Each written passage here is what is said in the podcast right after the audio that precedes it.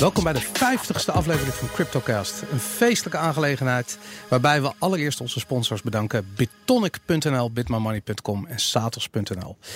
Tegenover zit Herbert Blankenstein. Uh, Herbert Blankenstein.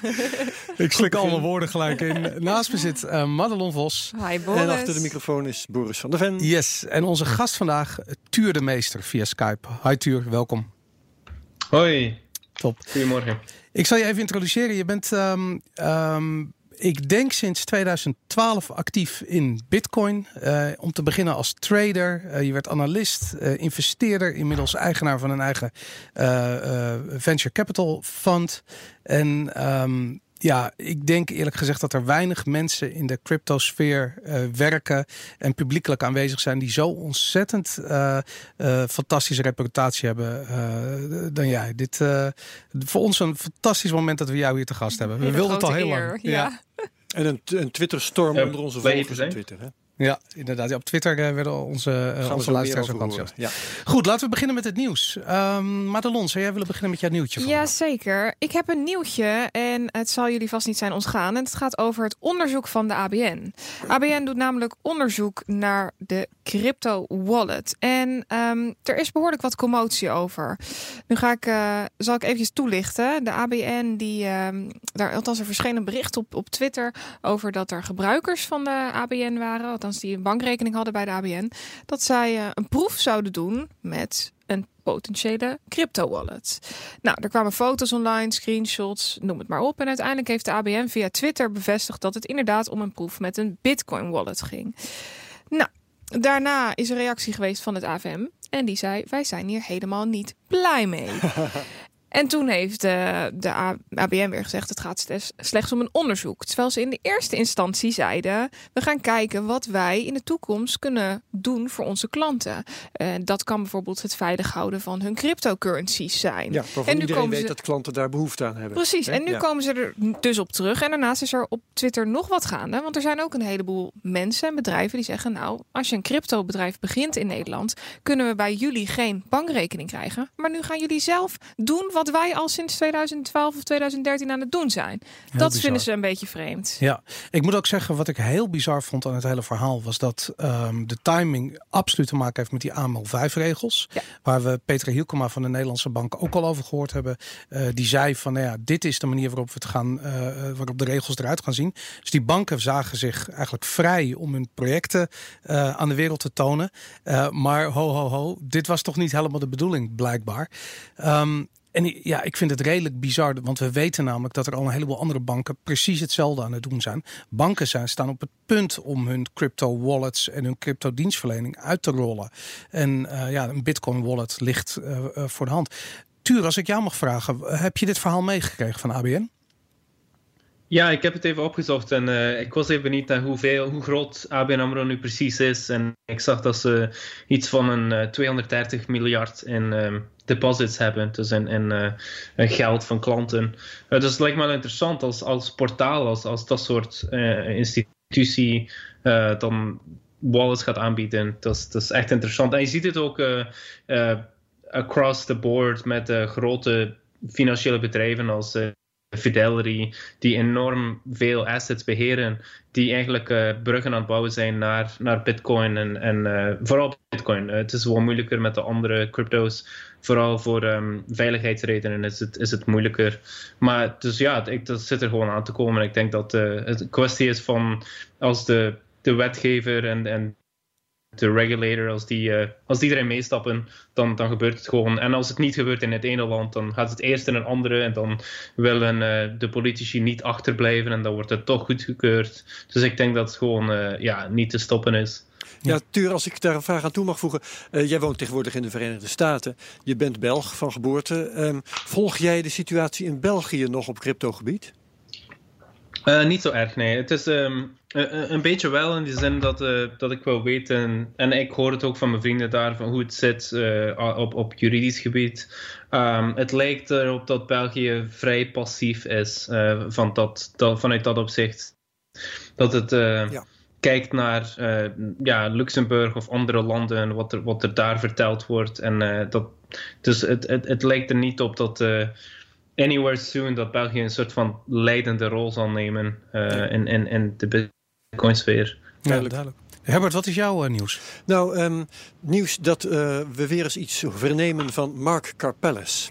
De oprichter van uh, Mount Gox. Juist. En uh, daar hoor je niet zo vaak iets over, want hij zit in Japan en hij mag daar niet uit. Want hij is daar in afwachting van een rechtszaak. Heeft daar ook in de gevangenis gezeten en zo. Um, ehm, CNN kwam met een uh, reportage over hem. Ze noemden het een interview. Maar ja, ze hebben hem geïnterviewd. Alleen daar is uh, in dat uh, videootje, mm -hmm. noem ik het maar, bedroevend weinig van te merken. Ja, ze weten niet echt wie hij is. Dat is heel erg jammer. Ja, ze, ze hebben notabene één op één met hem gesproken. En dan denk ik, nou, dat moet een interview van drie kwartier worden of zoiets. Van dat is wat ik eigenlijk zou willen. En is de reportage van vier minuten, waarin hij misschien al met al een halve minuut aan het woord is. Waarin hij zegt dat hij best wel eenzaam is en een paar van dat soort dingen. Jij hebt een fragment. Ja, we gaan even luisteren naar een kort fragment. The more you try to deny uh, being guilty the harsher it gets. Closing arguments in his trial ended last month. The verdict is expected in March. Carpellas continues to insist he's innocent, but legal.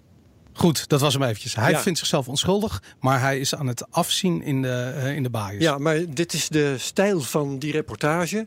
Het was een statement van, wat was het, vijf seconden? Ja, zoiets, ja. wat heel kort. En dan neemt die reporter weer het woord. Maar waar hebben ze over gepraat dan? Dit ging ook over de... Um, Zijn verblijf in de gevangenis. Ja, en het gaat ook over de, de, de chairman van Nissan, die Carlos Ghosn, die mm -hmm. van fraude wordt verdacht. Die op dit ogenblik, die rechtszaak, die zijn ze aan het voorbereiden nu. Dus dat, nou, dat is natuurlijk veel opzien. En hij is eigenlijk, wordt als een soort voorbeeld opgevoerd van dit is wat er gebeurt als je als Westerling Japan de bak in gaat. Ah. En dat is niet best. Na het faillissement van Mount Gox is hij voor een tijd achter de tralies verdwenen voor verhoor en dat soort dingen. En hij is dus, wat is het, tientallen dagen aan één stuk door verhoord geweest. Uren per dag.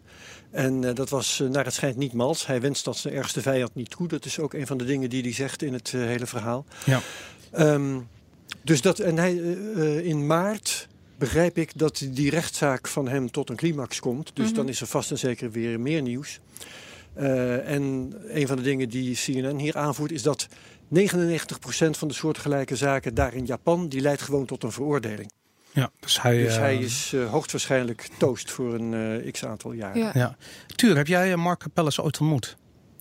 Nee, ik heb hem nooit ontmoet. Ik, heb, ik ken verschillende mensen die hem wel uh, hebben ontmoet en die, die ook onderzoek hebben gedaan naar. Gox. er was een fantastisch interessante rapporten die verschenen kort na het failliet van uh. En het bleek een, uh, een Zweeds onderzoeker te zijn die in uh, Tokio woont. Die gewoon als, als hobby het op zich genomen had om, om te gaan kijken, ja, wat is er nu echt gebeurd met Mt. Gox? En, een van de, en, en ik heb die presentatie gezien in, ik denk dat Breaking Bitcoin in Parijs was, twee ja. jaar geleden.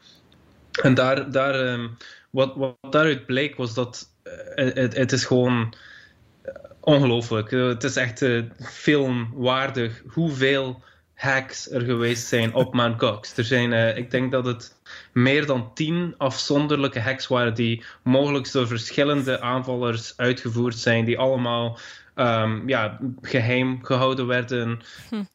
Uh, Carpellis heeft uh, Mt. Gox gekocht, heel, heel, heel early on.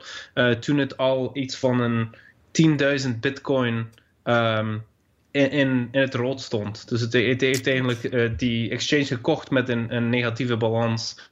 Uh, of, of, um, en en dat, dat, dat bleef gewoon duren. het was gewoon een kwestie van tijd dat het uiteindelijk zou uitkomen dat hij 7% van alle bitcoin die toen in circulatie waren verloren heeft. Ja, het is echt ongelooflijk. Het is ongelooflijk. Heb, jij, heb jij een mening over uh, Carpellus zijn schuld of verwijtbare schuld? Uh, vind je daar iets van? Of, of weet je daar onvoldoende van? Uh, ik, ik, ik, ik weet niet zoveel details, maar mijn beste gok zou zijn dat het iets van een criminal negligence is. Dus echt, mm. ja, gewoon... Verwijtbare nalatigheid. Ja, zoiets echt extreem. Want als je dan kijkt naar hoe die, hoe die het bedrijf runde, um, hij, hij, hij dus die dingen zijn enorm, enorm delicaat. Het is een beetje als een uh, nuclear power plant, uh, als een atoomcentrale dat je, dat je aan het runnen bent, als een Bitcoin exchange.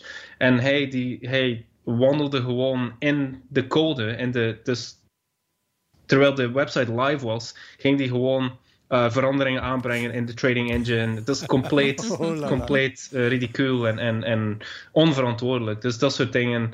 Er zijn uh, ja, heel veel cowboy-verhalen die waarschijnlijk naar boven zullen komen. Het tijdens het proces. Het was letterlijk een ander Maar ik denk, niet dat, ik denk niet dat het, dat het zijn doel was om echte mensen te gaan stelen, te bestelen. Ja, nou hopelijk dat hij er uh, een beetje mild vanaf komt. Uh. Ja, en het rare is natuurlijk aan het Mount Rocks verhaal. Dus ze zijn uh, failliet gegaan. Dus mm -hmm. dat minteken werd allemaal groter. Maar sindsdien, door de toename, notabene een kwart van de verloren gegaane bitcoins is maar teruggevonden. 200.000, ja. Dankzij de koersstijging van de bitcoin staat Mount Rocks nu failliet en wel vet in het rood. En is er een hele hoop te verdelen. Nee, in het groen. Ze staan in het groen. Hun faillissement kan... Ja. Dat bedoelde ik ook te zeggen. En dat is nog nooit eerder in de geschiedenis voorgekomen. Dat een failliet bedrijf uit faillissement terugkeert tijdens het faillissement. En er is dus een fortuin te verdelen. Ja. Onder andere onder de rekeninghouders van destijds. Maar daar is dan weer een of andere schlumielige regeling voor bedacht... dat ze de dollarwaarde krijgen van een van dat moment. Ja. En daar wordt nog steeds ik, ik geloof niet. Uh, ik geloof dat dat eigenlijk anders is. Uh, oorspronkelijk was het inderdaad zo dat het dollar amount zou zijn. Maar het laatste dat ik begrepen had was dat, het, dat uiteindelijk toch de bitcoins zouden worden uitgekeerd. En uiteraard met een haircut. Dus je zou iets van een 70, 80 procent uh, haircut krijgen omdat er zoveel verloren zijn. maar Mark Carpellis was altijd heel duidelijk dat hij, um, dat hij dus geen claim maakt op de dollar profits van het failliete bedrijf. Uh, er is ook een soort anekdote in de tijd. In 2014 was um, Brock Pierce en een paar andere investeerders die wilden Mt. Gox kopen voor 1 dollar. Omdat ze inderdaad net dat voorzagen, dat het op een gegeven moment die asset heel veel waard zouden kunnen zijn. Maar dat is, nu, dat is, dat is nergens uh, op uitgedraaid. Oké, okay, dankjewel voor de correctie in elk geval. Fijn. Goed, mijn nieuws uh, is een tweetbericht van uh, Dennis Parker. Die langskwam afgelopen week. En het is eigenlijk de hele week een beetje in mijn hoofd blijven, blijven rondspoken. En hij heeft een, een plaatje getweet. En daar zie je: Don't look at the all-time highs in Bitcoin. Look at the yearly lows. En er staat een mooi staatje. En dan, dat begint bij 2012. En dan was de yearly low in 2012 was 4 dollar. de prijs van Bitcoin. In 2013 was de laagste prijs van Bitcoin 75 dollar. 2014 200 dollar, 2015 185, 365, 87 en in 2018 3200 dollar. En uh, het verhaal wat dit natuurlijk vertelt, is, die, uh, is het verhaal van die exponentiële groei van die prijs. Op 2015 na dan. Ja. Daar, dat is het enige jaar waarin inderdaad de low iets lager was dan het jaar daarvoor. Um, het is een mooie visie. Niet naar de pieken kijken, maar naar Zeker. de dalen. Dan ja. gebeurt ja. in feite iets veel interessanters. Nou ja, en dat, dat zet eigenlijk de hele bear market in een bepaald perspectief. En dat perspectief zie je niet op het moment dat je met voor 20.000 uh, dollar bent ingestapt. Maar dat perspectief zie je als je er wat langer in zit. En mm -hmm. tuurlijk, ik vind het ook interessant. Jij bent bij uitstek iemand die er al uh, wat langer in zit. Uh, als je dit zo ziet, of als je dat zo hoort, als je kijkt naar die yearly lows. Hoe, hoe ervaar jij de bear market? Als je dit hoort, wat, voelt dat wel als een bear market? Je bedoelt nu? Ja, nu. Ja, ja, inderdaad. Uh, ja, we zitten absoluut in een bear market. Uh, als je kijkt naar een andere manier om te kijken naar, de, naar hoe de markt evolueert, is te kijken naar de drawdowns. Nou, hoeveel procent zijn we gezakt van de vorige all-time high? Um, en dus als je kijkt naar de eerste crash in 2011 dan uh, uh, crashde Bitcoin met 92%. Uh, in 2015 gingen we 85% lager dan uh, de, de, de, de piek van 1000 dollar. En dan tot nu toe zijn we 84% gezakt. We, we, zijn weer iets hoger uh, momenteel, maar de, de low in Bitcoin was 3140. Dus als je, als je, als je het zo bekijkt, dan, dan is dit eigenlijk gewoon de normale cyclus. En het is ook normaal dat de de, de lows iets dat die, dat, die, dat die gaan afvlakken. Dus zowel de, de nieuwe highs zullen uh, over tijd afvlakken, de nieuwe lows zullen afvlakken. Gewoon omdat we, uh, we zitten in een, een maturatieproces. Die cycli in Bitcoin die zullen langer en langer worden. Totdat we uiteindelijk komen bij uh, een cyclus zoals in, in de goudmarkt of in de kopermarkt, um, de commodity markets. Um, en als, als, als Bitcoin echt matuur is en als we dan spreken over een, een marktkapitalisatie van meerdere triljoen, uh, meerdere, uh, hoe, hoe, is het in het Nederlands? Biljoenen? miljarden. Nee, een miljard. En dan nee, een biljoen. Duizendvoudig daarvan. Dus een biljoen. Oh, meerdere ja. biljoenen heb je het over. Ja, inderdaad. Als je spreekt over dus, echt, dus goud bijvoorbeeld, fysiek goud is 5 biljoen. Eh, dus eh, als bitcoin naar 1 of 2 biljoen gaat, dan, ga, dan gaan ook die cycli trager worden. En, en dan gaan ook die, eh, die rallies minder agressief zijn. En de crashes zullen ook minder diep zijn. Ehm, En dus dat is, dat is waar ik denk dat we heen gaan. En Tuur, doel je dan alleen op ehm, het prijsniveau, maar, of doel je dan ook op de tijd? Want ik kan me ook voorstellen dat het gewoon langer gaat duren om dan een bitcoin eh, met een dollar omhoog of naar beneden te bewegen. Ja, inderdaad. Ik, ik doe ook op tragere cycli. Dus het, het langere, de langere duur. Dat is iets wat veel mensen in eh, 2014, die, die al lang in Bitcoin waren toen, die dachten van ja, eh, en, en mezelf in kluis, dat, dat, het, eh, dat de recovery vrij snel zou komen. Dat we opnieuw eh, in 2016 echt eh, een grote rally zouden gaan zien, of, of, of zelfs in 2015 al. En dat is niet gebeurd. Ehm, en en op, op dezelfde manier, het zou kunnen dat eh, eh, ook deze keer, ondanks dat het al meer dan 12 maanden is dat we zijn beginnen dalen, dat de bear market langer gaat duren dan de vorige. Ehm, ik ben, ben er niet zeker van. Eh, ik denk dat er heel veel elementen zijn die ja, voor Bitcoin spreken momenteel. Eh, echt institutionele adoptie is, is ongelooflijk eh, als, je, als je het van dat opzicht bekijkt. Maar ehm, het, is, het is iets om mee rekening te houden. Dat bijvoorbeeld Bitcoin in een, in een range zou kunnen gaan traden voor eh 6 of 12 maanden. Misschien tussen zeg maar 2 en 7000 dollar of zo. Wauw. Top, ik, we moeten daar zo meteen eventjes over doorpraten. Ik wil eigenlijk heel even snel eh, de brug maken naar de prijsanalyse. Dat doet eh, Madelon elke week. Yes. En ehm Madelon, wat, eh, wat is er gebeurd in Bitcoin en wat gaat er gebeuren? In Ik Bitcoin? pak hem er gelijk even bij. Want vorige week had ik verteld over die mooie supportlijn rond de 3500 dollar. En de koers die bounce daar nog steeds tegenaan. Ik gaf ook aan, hè, van nou, er is grote kans dat we lang horizontaal gaan doorlopen. Nou, dat is inmiddels gebeurd. Ehm, en de koers die heeft nu wel heel veel su- support op die supportlijn. En ik vraag me af of die ehm, ja, nog lang steun gaat hebben. En op het moment dat we hier doorzakken, dan moet ik me toch wel een beetje zorgen gaan maken. Want dan zou het inderdaad kunnen zijn, wat Tuur ook al zegt, dan zouden we nog verder omlaag kunnen. En aan de, eh, als je het de andere kant bekijkt, ik vertelde vorige week ook dat die, ehm, die, die weerstandslijn rond de 4000 dollar ligt op dit moment. En die loopt ietsje schuin naar beneden. Ehm, dat, mochten we die weerstandslijn doorbreken, zou dat juist een indicatie zijn dat dit een mooie bodemvorming is. Het lijkt allemaal op een bodemvorming, maar ja, in die end, op het moment dat de koers toch die 3500 dollar breekt, kunnen we gewoon. eh, Als je er wat over zou moeten zeggen, is dit een bodemvorming of niet? Vind ik heel lastig te zeggen. We zouden hier zomaar uit kunnen springen naar beneden. Ja, Tuur, wat, wat denk jij? Is dit, zijn we, zien we een bodemvorming of is de kans groter Ja. dat we naar beneden gaan? Eh, het is altijd de ultieme, de, de holy grail is to call the bottom exactly. En dat is het, vandaag is de bodem. Het- dit is het, vanaf nu gaan we omhoog. En we hebben veel van die calls gehoord toen Bitcoin eh, rond de 5000 eh, aan het traden was. Eh, ik denk zelfs, dat was iets van in, in, in april, denk ik, was van ja, 6000 is de bodem, this is it. Voor mij, wat, wat belangrijker is dan echt precies de bodem te noemen, is te gaan kijken van in welke fase zitten we nu. Eh, en voor, voor mij, absoluut, sinds we door de 5.000, 6.000 zijn gezakt daar in november. eh, dat, is, dat voor mij was capitulatie. Eh, veel retail traders die, die, die, die waren. van toen af aan zijn die echt een afkeer gaan krijgen van Bitcoin. Ook, ook apathie, desinteresse.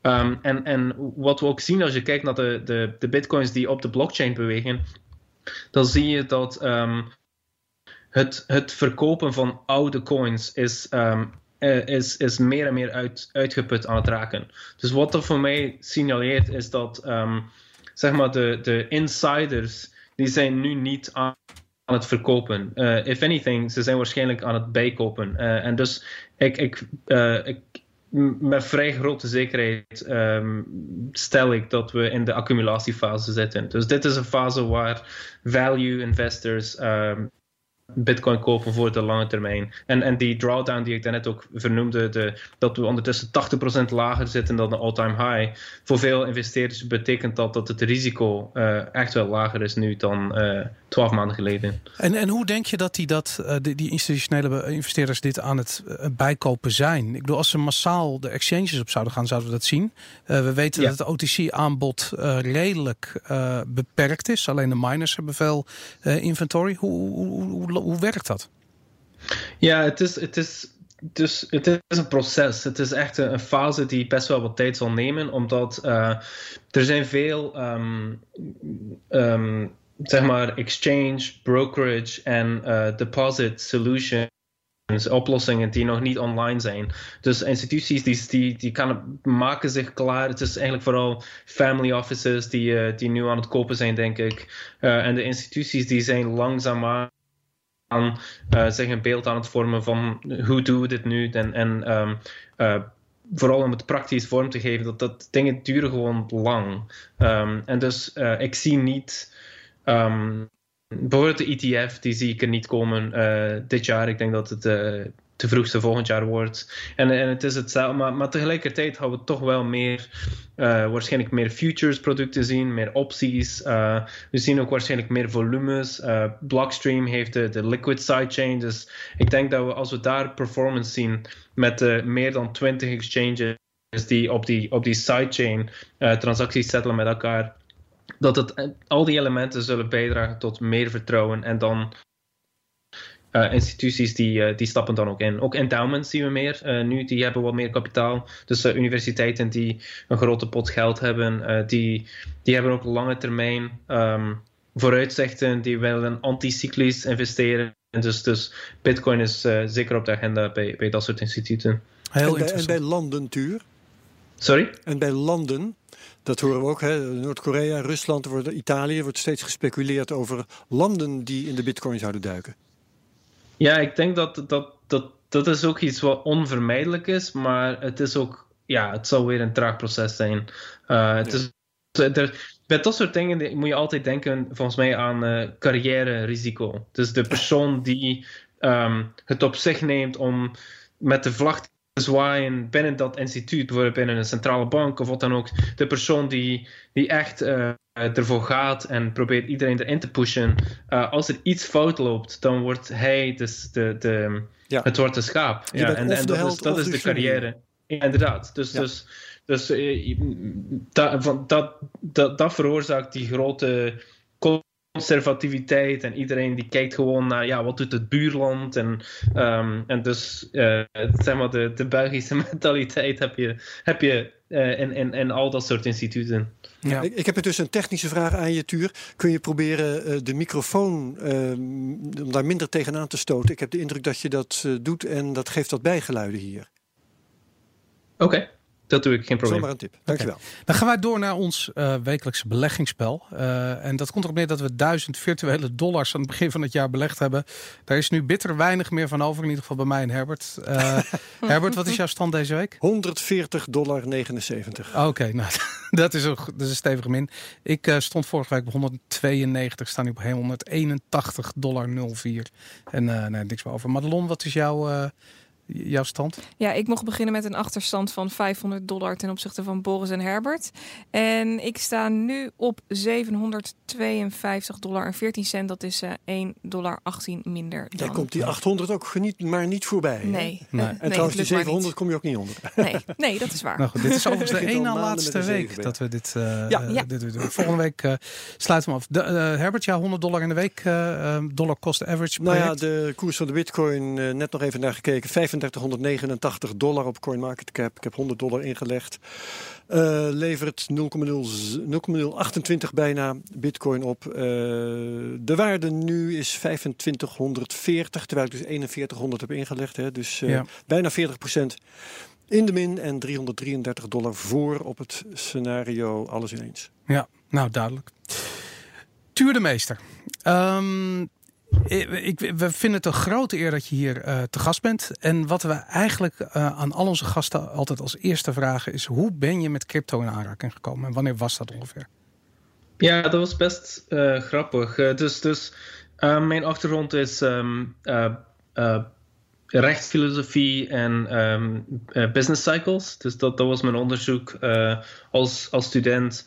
Um, en dan in 2006, 7, 8 werd ik meer en meer onrustig over de, de, de, de omgeving, de, de, de, de financiële realiteit van hoe, hoe banken werken. En, en natuurlijk hebben we dan de crisis ook gehad.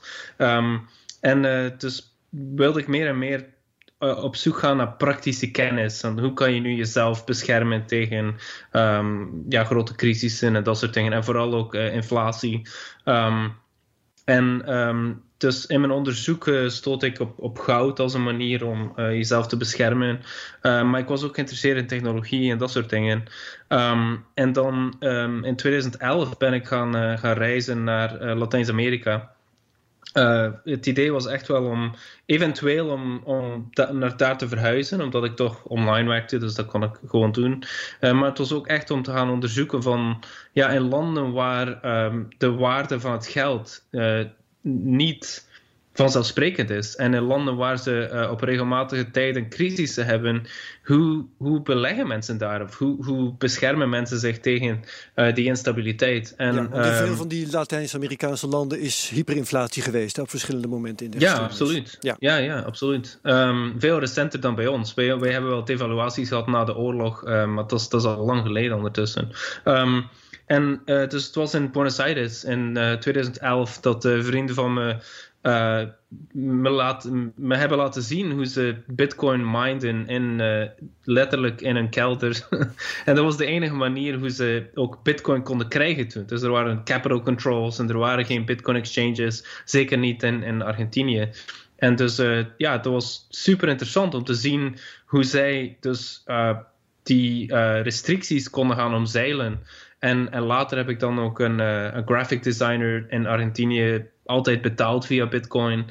Um, uh, ondanks dat er die capital controls waren en dat PayPal niet actief was uh, enzovoort. Dus het was echt een fantastische context om te leren over de, de censuurresistentie van, van Bitcoin. Gaaf. Hey, en hoe heeft dat uh, je, je idee over economie gevormd? Want ik zag namelijk op je LinkedIn dat je ook uh, een werk van, uh, was het Mises, vertaald hebt in het Nederlands? Oostenrijkse school? Oostenrijkse school, ja. Ja, ja. Ja, uh, Jesus Huerta de Soto. Het is inderdaad, um, dat is de auteur, en, uh, maar het, het, past in de Oostenrijkse schooltraditie. Uh, het is de, de, het, het, grootste werk over de, de conjunctuurcyclus um, in, in, in de Oostenrijkse traditie. Um, ja, dus, dus um, die ideeën passen erin in die zin dat de Oostenrijkse school heeft een vrij nuchtere kijk op, op de geschiedenis van geld en geldcreatie. En uh, hun analyses maken vaak steek voor mij. Uh, en, en ook hun historische uh, analyses. Ik ben er niet altijd mee eens, maar grotendeels wel. En een van de grote punten die ze maken is dat het, het, het de mysterie van um, de conjunctuurcyclus, van de boom en de bust in de economie. Veel, uh, um, zeg maar, uh, econometrische economisten of London School of Economics, dat soort uh, econom Keynesiaanse economen. voor hen is het een beetje als een natuurfenomeen. Als, als de, de, plots komt daar de donder en de bliksem en dan hebben we een crash. En zo is het nu eenmaal. Maar de Oostenrijkers die, die zeggen nee, nee, de, de um, de, het, het, het, uh, het zaad van uh, de, de crash wordt geplant in de boom. En dat is die uh, kredietcreatie uit het niets. Dus het feit dat, je, dat banken zomaar kunnen geld creëren uit het niets. En, en, en dat die schulden zich dan gaan ophopen, dat is eigenlijk de, de oorzaak van de kredietcrisis. En dan hebben ze ook natuurlijk, zijn ze erg kritisch over het feit dat centrale banken zomaar geld kunnen creëren en dan uh, alle schade die wordt uh, aangericht door inflatie, de inflatietax. Um, en dat is iets wat um, Keynesiaanse economen vaak uh, ja, aan voorbij gaan. En dus, dus het, is ook, het is daarom ook niet toevallig dat um, veel mensen die sympathie hebben voor Bitcoin, of die vroeger dan anderen dat zagen, dat die um, een, een uh, soms wel achtergrond hadden uh, in, in die Oostenrijkse traditie. Ik, ik, ik heb wel eens horen zeggen dat Bitcoin een soort Trojaans paard is voor die Oostenrijkse filosofie. Dat je kunt bijna niet je uh, bitcoin uh, daarmee in aanraking komen en jezelf niet de vraag stellen, maar wat geeft dan de euro of de dollar waarde? Om vervolgens op onderzoek uit te gaan en uit te komen bij dit soort conclusies. Denk je dat we dankzij bitcoin en de, de, de, de steeds sneller stijgende adoptie van bitcoin, we ook veel meer mainstream platformen en misschien wel politici uh, gaan zien die dat uh, Oostenrijkse gedachtegoed omarmen? Wel, het is een beetje ironisch, omdat eigenlijk zijn er heel veel, de echte, quote-unquote, de echte Oostenrijkse economen, zijn er heel veel die de boot van Bitcoin gemist hebben voor lange tijd, omdat um, er is een, um, een doctrine in de Oostenrijkse school die zegt dat um, iets wordt alleen maar geld als het eerst een commodity is. Als het eerst een, een echt goed, een fysiek goed in de economie is. En dan later kan het, uh, het, het uh, de rol van universeel ruilmiddel gaan aannemen. En dus ze zagen niet dat Bitcoin dat was. En dus gingen ze uh, Bitcoin gaan. Bitcoin het was onmogelijk dat Bitcoin geld kon worden. Dus dat is, dat is um, een soort van ironische voetnoot. Dat, en misschien ook wel een waarschuwing dat het belangrijk is om altijd gewoon. Um, nuchter en, en, en pragmatisch en, en uh, niet te dogmatisch te worden als het gaat om, om nieuwe fenomenen in, in de wereld of de economie. Um, maar dan, uh, ja, je spreekt over Trojaans paard. Um, ik, ik, weet niet hoe ver de adoptie van Bitcoin zal gaan en hoe snel. Um, maar ik denk wel dat er zoiets zal zijn als een zeg maar, adoptie tegen wil en dank. Uh, waarbij mensen die um, ja, geen sympathie hebben voor het gedachtegoed, uh, dat men toch Bitcoin gaat kopen. Gewoon omdat het uh, ja, gezond portfolio diversificatie is. Zeker als Bitcoin dan meer dan een biljoen waard is, als het echt een asset class wordt, dan is het gewoon van ja, je, je, je, je, je doet halve procent of 1% bitcoin in je portfolio. En ik denk ook dat grote fondsen dat zullen gaan doen. Pensioenfondsen uiteindelijk, uh, verzekeraars, noem maar op. Dus ik denk dat het um, de grootste adoptie van bitcoin zal niet zijn. Uh, um, zal niet komen van babyboomers die bitcoin wallets op hun telefoon hebben. Ik denk dat het echt zal komen van uh, mensen die zelfs niet weten dat ze Bitcoin bezitten, maar, maar dat ze wel exposure hebben via hun pensioenfonds of um, uh, verzekering of uh, noem maar op, via dat soort kanalen. Daar heb ik een vraag over, Tuur. Um, als, uh, als dat zo is, en, en, en het spreekt mij aan omdat het een, een, echo is van, van wat ik meer heb gezien, namelijk het web was een, een, een, een vrijplaats en ik weet niet wat, allemaal, wat er allemaal van verwacht werd. Dat zou ons onderwijs vooruit helpen en burgers mondig maken en de democratie verbeteren en zo. Wat is er gebeurd? Het is... Ik zeg het maar even recht voor schrap, in, in beslag genomen door het grootkapitaal. Um, als iets dergelijks ook gebeurt met Bitcoin, en ik hoor dat een beetje in jouw woorden, hè, dat mensen het wel hebben, maar dan eigenlijk niet eens weten, wat, wat al bijna strijdig is met, met Bitcoin-principes, uh, zou ik denken. Um, ja, wat, wat blijft er dan van over? Is, uh, heeft het dan nog de kracht uh, om het financiële systeem ehm, te disrupten, met dat lelijke woord, die we er ooit van verwacht hebben? Wel, ik denk, ik denk het echt wel. Um, omdat het, um, het is een beetje de, de perfect storm. Als Bitcoin echt wel eerst legitiem wordt gemaakt en als het um, een, een, gewoon een asset is die uh, bankiers gaat toevoegen aan portfolio's en noem maar op, dan dat betekent ook dat uh, van, van, vanuit legaal oogpunt het ook allemaal legitiem wordt gemaakt. Ja. en dan uiteindelijk als de, de volgende de volgende crisis toeslaat, als we dan uh, fiat geld zien met hoge inflatiecijfers, ja, dan hebben we meteen een backup systeem die klaar staat. En, en je ziet dat ook als je naar de biologie kijkt. Um, uh, ik vergeet de naam, maar er is een, een fenomeen waarbij um, een, een, een, gegeven populatie van uh, een bepaald, um, een bepaald bepaalde familie van dieren erg heterogeen is, bijvoorbeeld. Uh, erg, erg, uh, er, is, er is enorme variatie. En dan komt er een, een, een soort extinction event, een, een, een vulkaanuitbarsting of noem maar op. En de populatie die zakt met 90%.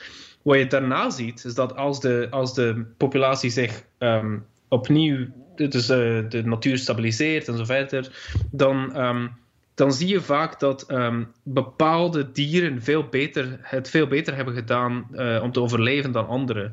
En dus dat zou kunnen gebeuren met Bitcoin ook, is dat als er een grote crisis komt, dat Bitcoin eruit komt als de grote winnaar. Ja, in elk geval een soort natuurlijke selectie, daar doe je op. Ja, inderdaad. Ja, en dat, uh, Andreas Antonopoulos heeft het vaak over bitcoin als de, de rioolrat of de kakkerlak, uh, noem maar op. Dus echt, het, uh, als er dan iets, iets ja, ergs staat te gebeuren. Dan, en ook het, het symbool van bitcoin is de, de honey badger. Dat is ook het enorm resistente diersoort. Honey Badger don't care, ja. Absoluut. Hey, je hebt het al een aantal keer gehad over uh, institutionele fondsen. Um, je beheert uh, zelf een fonds, wat je zelf hebt opgericht.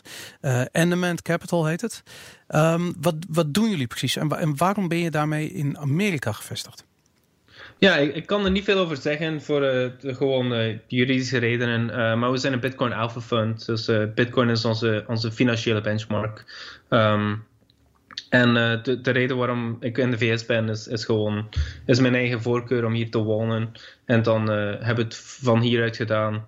Um, en, en voor mij is het gewoon iets, uh, het, ligt gewoon aan het verlengde van wat ik al de voorbije jaren gedaan heb. Om, om, om um, het is gewoon de, de volgende stap. Maar ik, ik kan er helaas niet meer, uh, niet meer over zeggen. Oké, okay, prima. Je hebt ook ooit uh, geïnvesteerd in Kraken. Dat was volgens mij een van de eerste uh, investeringen die je deed. Kraken is een van de eerste grote professionele crypto exchanges. volgens mij zit je daar met Trace Mayer in, als ik het goed begrijp. Um, ja, ja, ja. Wat, wat, wat is een beetje de. Um, wat is de sleutel om succesvol zakelijk te zijn in die Bitcoin-wereld? Wat is je filosofie daarover? Ja, uh, ik denk dat het, het is gewoon echt belangrijk om, om te proberen begrijpen waar dit allemaal heen gaat en wat, wat, waar de waarde zit en waar niet. Um, en, en ook, uh, dus het is niet alleen dat, maar ook waar we zijn in in welke fase we ons bevinden momenteel. Um, er, zijn veel, er zijn veel internetanalogieën die je kan maken. Bijvoorbeeld um, videostreaming.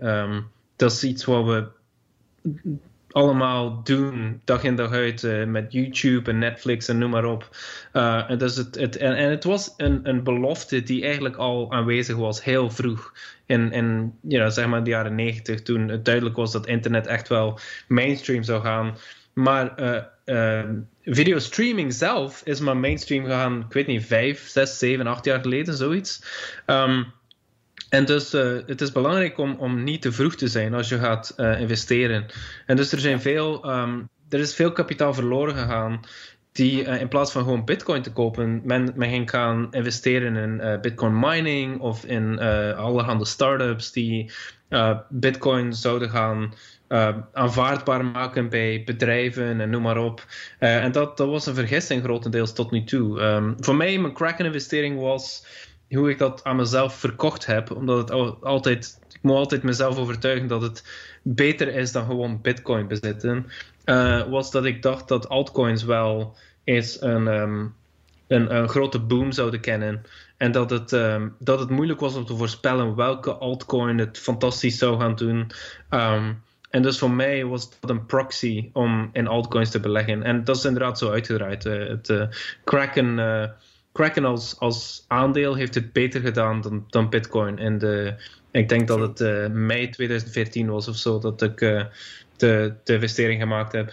Um, maar natuurlijk, er was, ook, er was ook best wel risico aan verbonden. het was niet zeker dat Kraken zou overleven. Um, niet zeker dat ze het goed zouden doen. Dus het is vrij. Um, nu, nu heb je meer en meer van die ja, je hebt gewoon meer keuze dan, dan er was in het verleden. Um, maar ja, het is, uh, het is echt moeilijk. Uh, en ik denk voor mij, Bitcoin is de TCP/IP van, uh, van deze revolutie. Het is echt wel een, een, een soort van ruggengraatprotocol. En het mooie is dat je rechtstreeks in kan beleggen. Dus dat is echt iets wat ik altijd gezegd heb. Is, um, buy bitcoins first en dan eventueel denk een beetje aan diversificatie later. En je kan het ook veel later doen. Je kan gewoon uh, wachten tot uh, bitcoin veel volwassener is en dan pas gaan diversifiëren in bedrijven aan, aan die, die zich daar rond bevinden. Maar Tuur, je zegt uh, Kraken is een, is een succes geworden en mijn verwachting dat die altcoins zouden opstijgen, die is uitgekomen. Maar ze zijn daarna nog veel harder gedaald dan Bitcoin. Dus wat is daarvan het gevolg voor jouw investering? Ja, de, de, de, de, cycl, de cyclus is de cyclus. Dus uh, uh, exchanges die gaan mee in de cyclus. Dus hun volumes dalen ook als het, uh, als het minder goed gaat. maar die, ze zijn gewoon van nature uit veel gediversifieerder. de volumes zijn lager, maar ze zijn niet 90% lager dan tijdens de piek. en, dus, en het is ook zo dat mensen die, die, die het aandeel kopen van zo'n exchange, die kijken ook verder dan um, gewoon naar eh, de volumes bijvoorbeeld. Die kijken ook naar, uh, zijn er nieuwe jurisdicties die opengaan? Uh, ze, um, wat voor, uh, wat voor overnames gaan jullie eventueel doen? Hoeveel cash heb je op de bank? dat soort dingen. dus het is, ja, het is echt een ander verhaal dan één enkele ICO bijvoorbeeld. Ja. En, en dan zien of die het zal maken of niet. Ja. Nou, Kraken bijvoorbeeld, die, die, die zijn in 2011, denk ik, uh, begonnen met, de, met het bouwen van de, de website. En dan in 2013 gingen ze live. Dus je hebt ook dat, die, die maturiteit uh, die, die meespeelt. Ja, hey, ik hoor je twee dingen zeggen die ik heel belangrijk vind. Je hebt uh, bijvoorbeeld dat je zegt dat Bitcoin slash Lightning Network gelijk is aan wat TCP/IP is. Dus eigenlijk een protocol waar bovenop het hele internet gebouwd is. In dat opzicht zou dan Bitcoin een protocol zijn waarop allerlei functionaliteiten. Je noemt store value, low trust wealth transfer, confidential transactions, tokenized securities. Um, en eigenlijk gewoon geld um, gebouwd wordt. Um, maar je zei ook net dat je in eerste instantie uh, in een fase verkeerde waarin je hebben in de altcoins.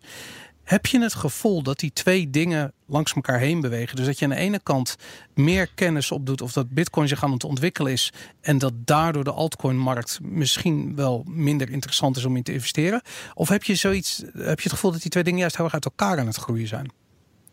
Um, ja, dus, dus de, het idee dat de altcoin-markt zou gaan groeien was niet zozeer uh, omdat ik dacht dat het de toekomst was, maar eerder. Um, het was eerder een scenario die, waarvan ik dacht dat het mogelijk was. En, uh, en, en, het, was, dus, het was een soort hedge, een soort van uh, verzekering die ik kocht voor mezelf. Um, maar ik heb nog steeds de overtuiging dat uh, alles wat we zien in de altcoin-wereld eigenlijk mogelijk is binnen het, het Bitcoin-paradigma. Um, inclusief die smart contracts, um, ICO's en noem maar op. Al dat, dat kan allemaal op het Bitcoin-platform gebeuren. En ik denk dat het ook grotendeels zal gebeuren op, op het Bitcoin-platform uiteindelijk. Um, maar ik denk wel, dus mijn, mijn visie is sinds 2013 altijd al geweest dat uh, de Bitcoin-dominantie zal iets van 80, 90 procent zijn op lange termijn. En daar hebben we uiteraard wel een soort van alternatieve markt ernaast. Dat als Bitcoin zeg maar uh, eh, 3 biljoen is, dan, um, dan kan je um, altcoins hebben die nog steeds eh, 100 miljard waard zijn. Dus echt wel grote dingen. Um, dus, uh, dus het houdt wel steek dat investeerders nog steeds aan het zoeken zijn naar is daar iets in die altcoin-markt die, uh, die het goed zou kunnen doen, die niche vervult die Bitcoin niet kan vervullen. Um, dus ik, ik, ja, ik denk dat het echt wel een vrije markt zal blijven. Dat er, dat er echt wel um, pogingen zullen blijven om het anders te doen. Maar ik denk dat, uh, zeker als het gaat over uh, asset issuance, dus echt die ICO-dingen die eigenlijk een soort van aandelen in startups zijn, dat die tokens in een veel veiligere omgeving zullen gaan uitgegeven worden. En, en, en bijvoorbeeld de Liquid Sidechain maakt het mogelijk om op een confidentiële manier tokens uit te geven. Dus ik denk dat dat soort dingen, dat, dat, dat dat meer realistisch is in de toekomst. Of, of als het gewoon legaal wordt gemaakt, dan hoef je niet op de blockchain te zitten. Dan kan je gewoon tokens uitgeven. Dan is het een soort van de, de, de muur is gesloopt door de ICO-craze van 2017. Er is legislatie om het toe te laten. En dan heb je zo, in, in plaats van BitTorrent, heb je dan het, het iTunes van de tokenization, zeg maar. En dus heb je, heb je die blockchains niet nodig. Dan kan je het gewoon uh, op, op uh, Amazon AWS doen of zo. En jij zegt uh, er is best nog ruimte voor altcoins op lange termijn met een marktkapitalisatie van 100 miljard of iets dergelijks. Welke altcoins spreken jou het meest aan? Welke zie jij dat het makkelijkste doen? Ja, vind ik altijd moeilijk. Um, dat dacht ik wel. Ik, ik dus, maar omdat het ook zoiets is van... ik voel ook een beetje een verantwoordelijkheid van ja, is, is dit dan koopadvies? Um, ja, dat doen wij niet. Uh, bij, uh, dit is geen beleggingsadvies. Nee, ja. dat zeggen we ook altijd nee, maar dus, ja. dus in, in het algemeen um, denk ik dus... dus uh, probeer ik het echt van de grond op te, te bekijken. En, en dan moet je echt kijken naar hoe, hoe bereikt een protocol consensus? Like, hoe, hoe ga je voorkomen dat men... Um, uh, tokens kan gaan bijprinten of dat men oude transacties kan gaan um, uh, veranderen, zeg maar. Ja. En dus daar heb je de twee grote scholen van uh, proof of work, proof of stake. ik denk dat proof of stake op voortdurend gaat falen. Dat we dus voortdurend experimentatie zullen zien en dat we voortdurend zullen zien dat het faalt, omdat het in, in essentie een politiek systeem is. Het is gewoon een, een, manier van een soort oligarchisch systeem waarbij de rijken stemmen. Um, en ik denk dat dat uh, veel zwakker is. En we hebben natuurlijk gezien in, in doorheen de geschiedenis is dat, heeft dat wel gelukt, maar dat is, dat is, dat is helemaal anders als je spreekt over een, een fysiek land en uh, politieke systemen op die manier. Als je online gaat spreken, dan, dan kan iedereen. Uh, uh, dan kan een hacker in Roemenië een netwerk aanvallen die gestart wordt in, in China, zeg maar. Dus het is veel kwetsbaarder. Ik denk, dus ik denk dat proof of stake niet gaat werken. Um, en uh, proof of work is waar je moet kijken om eventueel waarde te vinden.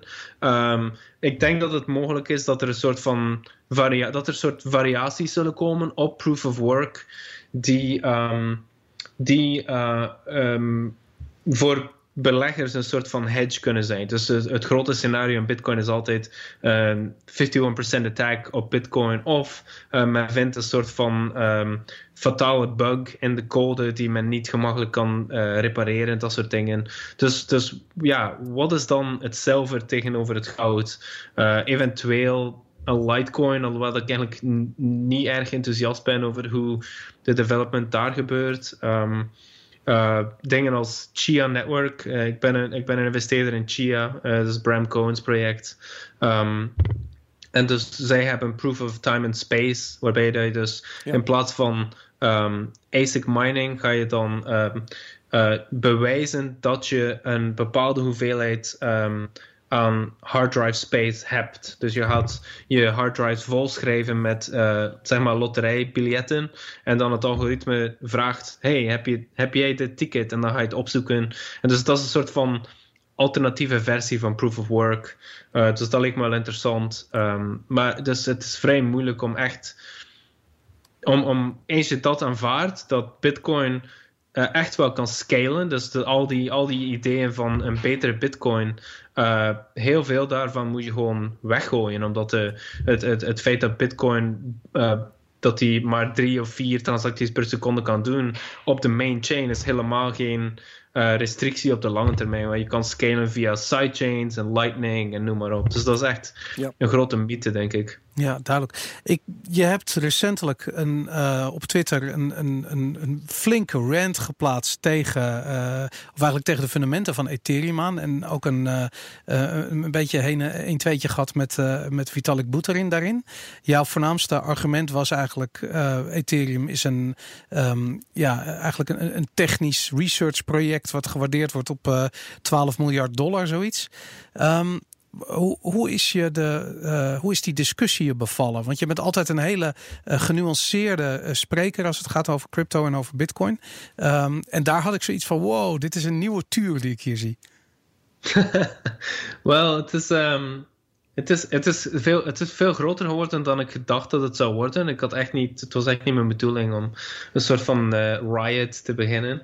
Um, en maar ja, dus, en, en de backlash was echt wel groot. Mensen waren heel erg gekwetst en kwaad en, en noem maar op. Ehm, en, ehm, en ik heb ondertussen ook wel, ben aan het werken aan een draft, omdat Vitalik heeft zijn tegenargument gegeven en dan, dan kan ik weer terugkomen met mijn tegenargumenten. Maar het is ook een beetje... Het, ik moet altijd afwegen van ja, wat is het waard voor mij? Want iedere keer als ik iets publiceer, dan is, het, is er veel backlash en, en, en uh, uiteindelijk, er, zijn, er is al heel veel informatie beschikbaar over, uh, over Ethereum en hoe ze, hoe ze werken. En, en zeker over, als het over sharding en um, plasma en um, even denken, Raiden en, en alle andere manieren waarop ze aan scalability willen gaan doen.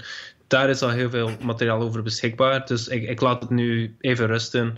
Um, dus ja, ik, ik, ik denk niet dat het ik denk dat ik wel inderdaad meer direct was deze keer over hoe ik, er, hoe ik erover denk.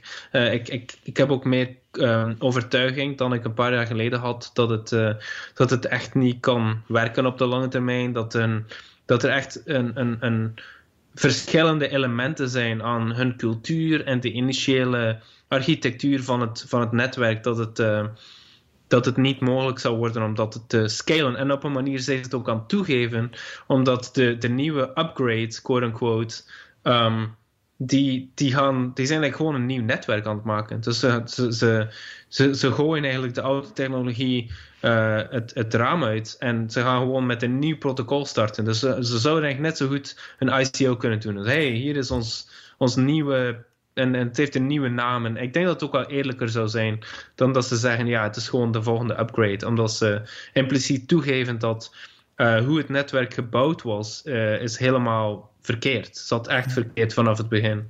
Ja, het is natuurlijk ook opvallend dat Ethereum aan de ene kant onder druk ligt door Bitcoin en de fundamenten van Bitcoin die steeds sterker worden en de schaalbaarheid die er bovenop wordt gebouwd. En aan de andere kant al die projecten die eigenlijk een efficiëntere versie van Ethereum blijken te zijn, zoals de Cardano's en de Trons en de, nou goed, er zijn er een aantal.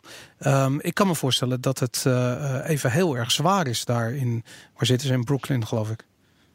Ja, bij Consensus en, en dat soort bedrijven die heel erg uh, hard gewet hebben op, op de, het succes van Ethereum. Um, ja, dat, dat zal inderdaad wel best, uh, best moeilijk zijn. Ze, hebben inderdaad, ze zitten een beetje tussen hamer en aanbeeld. Uh, en, um, en, en ik denk dat het de beleggers ook meer uh, sceptisch worden over de verhalen van de volgende upgrade en proof of stake zit er aan te komen en het komt, het komt, het komt, maar het, is altijd, het wordt altijd weer uitgesteld. Uh, het idee dat je on-chain kan scalen, het idee dat je een blockchain kan scalen is eigenlijk absurd. Dus je, de enige manier om het te doen is gewoon, je maakt het de, de, de grondlaag en dan ga je er lagen bovenheen opbouwen en, en uh, dat is iets wat ze eigenlijk nu toegeven, is dat het idee van sharding is echt wel heel ver af. En, um, en, en uh, waarschijnlijk op, op een gegeven moment zal bewezen worden dat het, uh, dat het onmogelijk is om te doen. Uh, het is, ik denk, filosofisch is het eigenlijk al aangetoond. ik weet niet of je het, of het wiskundig ook zou, zou kunnen bewijzen. Wat, wat zou dat betekenen voor bijvoorbeeld de prijs en de market cap van Ethereum? Eh, ik zie Ethereum als de, de Yahoo van, uh, van, van crypto. um, en dus Yahoo bestaat nog steeds. Ja. Vandaag. Het is, uh, en, en, maar op een gegeven moment was het, uh, ik denk iets van 150 keer de marktkapitalisatie van Google. Ja. in het begin. En, en men zag het ook als een blue chip. Het was ook iets wat heel um, uh, bankanalisten en, en, Wall Street analysts, die keken naar Yahoo en die zagen uh, een enorm gezonde balance sheet. Want Yahoo had enorm veel um, inkomen van reclame. Dus al die start-ups die, die gingen reclame maken op het, op het Yahoo, uh, op de portalen. Een indicator van de internet-economie. Ja, het, het, was, en het was ook iets wat, uh, wat de analisten kenden. En de, al die cijfers en het zijn echte inkomsten. Maar wat ze niet begrepen was dat het, dat het Um, dat ze de technologie niet in huis hadden om te scalen. Dus dat is allemaal met manpower, manueel. Maar die, primaire positie heeft Ethereum toch nooit gehad? Ik denk het wel, als het gaat over ICO's bijvoorbeeld. Ja, uh, ja, ja. het was echt het platform om, om je token op te lanceren. Uh, en, en, en, en, en dat was ook de, de analyse van eh, heel veel fondsen en traditionele beleggers van ja, je moet gewoon wat Ether hebben omdat het de belangrijke speler is. En het was veel moeilijker om te begrijpen dat het niet kon scalen. Dat er waren zoveel claims gemaakt. Oh, het is. Uh, you know, uh, in twee jaar tijd zullen we het. Het zijn allemaal tijdelijke bottlenecks. Terwijl wat er eigenlijk beweerd werd was: we hebben uh, we hebben verschillende wetenschappelijke doorbraken die deel uitmaken van ons businessplan. En dat is iets wat, wat ik niet eerlijk vind. Ik, ik vind het, dat, dat, dat, dat, is iets wat me echt. It rubs me the wrong way. Dat ze daar niet eerlijk over geweest zijn. Dat er zo'n enorme uh, wetenschappelijke vraagtekens stonden in hun project. Ja. Ja. ja. Tuur, ik zou heel graag nog even teruggaan naar Bitcoin. En Bitcoin komt natuurlijk voort uit het feit dat het monetair systeem op het randje van de afgrond bungelde. En de bedoeling was dat Bitcoin in ieder geval opgepakt zou worden als betaalmiddel. En wellicht ook wel als mainstream betaalmiddel. Maar momenteel is dat eigenlijk helemaal niet zo. Um, Denk jij dat dit het einddoel zou zijn? Of is dit volgens jou het einddoel? En wat is er voor nodig om daar te komen? Want Bitcoin wordt nu toch meer gezien als store of value. Hoe kijk je daarna? Ja, ik denk dat het, uh, dat het best wel het einddoel is van Bitcoin om een uh, universeel aanvaard uh, ruilmiddel te worden, dus geld. Um, maar de realiteit is dat geld um, organisch groeit in een economie. Je kan het niet, je kan, behalve als je een overheid bent, kan je niet gaan verklaren: dit is geld. En, en, en dan magischerwijs wordt het ook zo. Stanley Jevons heeft, en, en dus traditionele economen die gaan vaak zeggen dat Bitcoin is niet geld omdat het geen unit of account is en het is geen universeel ruilmiddel. Dus uh, case closed, uh, uh, Bitcoin gaat naar nul. Um, maar als je kijkt naar um, de klassieke economen zoals Stanley Jevons, dan zie je dat ze eigenlijk wat subtieler zijn. En in plaats van te zeggen, ja, geld heeft die vier kenmerken van het is een, um, het is een verzamel uh, middel, uh, collect collectible, en dan is het een store of value. In plaats van te zeggen, ja, het, het, moet al die vier kenmerken hebben, zie je dat, het, dat ze spreken over fases. Dus eerst eerst is wat uiteindelijk geld wordt, is eerst een um, collectible. Iets wat je verzamelt gewoon omdat het interessant is. En dan wordt het een store of value. En dan kan het een unit of, sorry, een, een universeel ruilmiddel worden. En uiteindelijk kan het een unit of account worden als er voldoende adoptie is. Dus als je het zo bekijkt, is Bitcoin een start-up currency. Het is gewoon een start-up geld. En het, het, het is uh, voorbij, denk ik, um, kunnen we wel zeggen ondertussen, voorbij de fase van collectible. We zitten nu in de fase van store value. En er zijn waarschijnlijk meer dan 10 miljoen mensen uh, de wereld rond die Bitcoin op die manier zien, omdat ze wat Bitcoin bezitten. Mm uh, en dan uiteindelijk, als, dat, als, als we voldoende adoptie hebben, dan gaan we naar de volgende fase gaan. Dus dat, dat is hoe ik het zie. En, en daarom denk ik dat het in deze fase veel.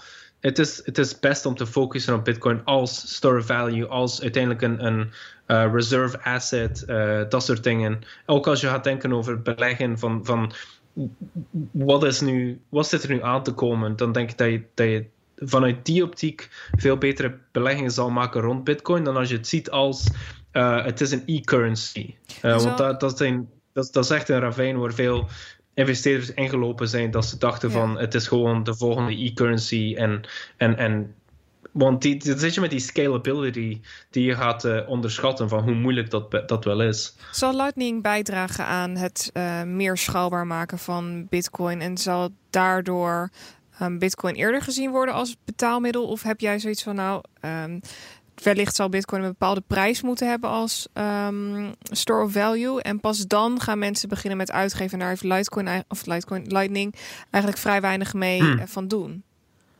Ja, dus ik zie het als een soort van momenteel zitten we in een soort van perfecte storm die aan zich aan het ontwikkelen is. Dus aan de ene kant heb je, waar we het eerder over hadden, die financialization van Bitcoin. Dus het uh, Bitcoin als spaarmiddel, ETF, pensioenfondsen, noem maar op, de babyboomers. Um, en dan aan de andere kant heb je uh, voor de jongere generatie, de millennials en jonger, heb je dus inderdaad Lightning en uh, Bitcoin als. Um, iets wat een in-game currency kan worden, bijvoorbeeld. Of ja. je, je, stuurt het naar je vrienden. Of je zet het als je geen bankrekening hebt voor je woont in, je woont in Mexico en je hebt geen bankrekening. Je bent 16 jaar oud dan kan je via Lightning kan je wat Bitcoin hebben op je telefoon. En daarmee kan je dan, um, en dat denk ik dat zal gebeuren in de komende 1, 2, 3 jaar, um, dat mensen het gebruiken als een soort van cash op je telefoon. Uh, dus ja, ik denk inderdaad dat het, dat, dat het soort van, dat, dat wordt de bottom-up uh, evolutie uh, die uiteindelijk ertoe zal leiden dat Bitcoin echt gebruikt wordt als geld. Ja, op jouw website uh, elementcapital.com, daar heb je, een, uh, heb je eigenlijk wat je nu net allemaal vertelt in drie fases onderverdeeld. Uh, de discovery phase, die duurde pak een beetje tot en met 2013. Dat is echt dat, dat, het, dat een soort verzamelobject wordt, dat bitcoin. Dan heb je de infrastructure phase, die duurt tot en met 2000. 20.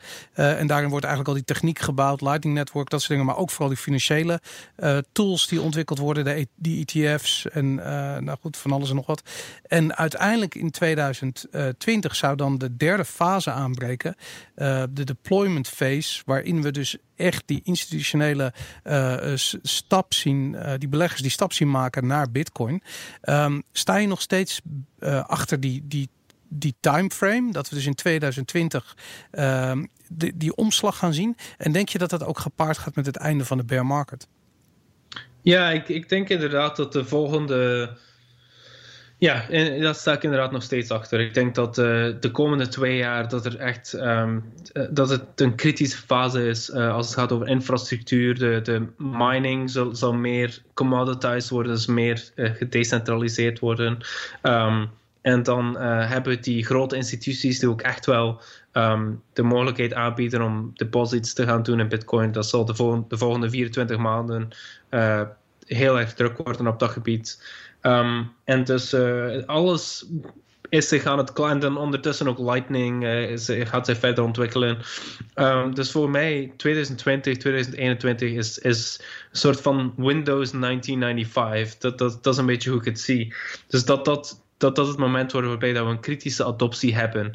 Als je kijkt naar 1995 in de VS, had je 9% van alle gezinnen die um, waren aangesloten op het internet.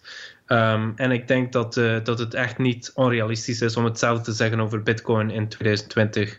Uh, er waren eigenlijk uh, polls, die, um, surveys, die tonen dat op een gegeven moment zaten we aan 12, 13 procent. Um, maar dat was tijdens die mania in uh, eh, 2017. Dus ik denk dat het ondertussen misschien wel lager is. Uh, mensen die gewoon ja, die het verkocht hebben of het kan er niet meer schelen. Maar ik zie dat wel weer um, terug oppikken. En dus het is een beetje zoals met. met uh, als je kijkt naar werk over politieke revoluties, het is ook een soort van als een, als een bepaalde minderheid van de bevolking uh, zich engageert, dan krijg je de, de revolutionaire omslag. En, en, met technologie denk ik is het, is gelijkaardig. Als je een bepaalde kritische massa hebt, dan wordt het echt wel interessant en, en bijna... Um, dan wordt het bijna onmogelijk, zeker als bedrijf, uh, om, om nee te zeggen tegen, te, zeg maar, wat is je dotcom-strategie in de jaren 90? En dan nu is het, wat is je Amazon-strategie? En dan in 2020 zal het zijn, wat is je Bitcoin-strategie? Geweldig, klinkt heel goed. Hey, toen we uh, op Twitter zetten van uh, dat jij uh, hier te gast zou zijn, hebben we heel erg veel vragen gekregen van, van, van luisteraars. de meeste hebben, hebben we behandeld in het afgelopen gesprek. Er is er eentje overgebleven, die is van Christian. Die heeft een vraag via Twitter gestuurd en die zegt: Zie je een correlatie tussen Bitcoin en traditionele financiële markten zoals aandelen, obligaties en valutamarkten?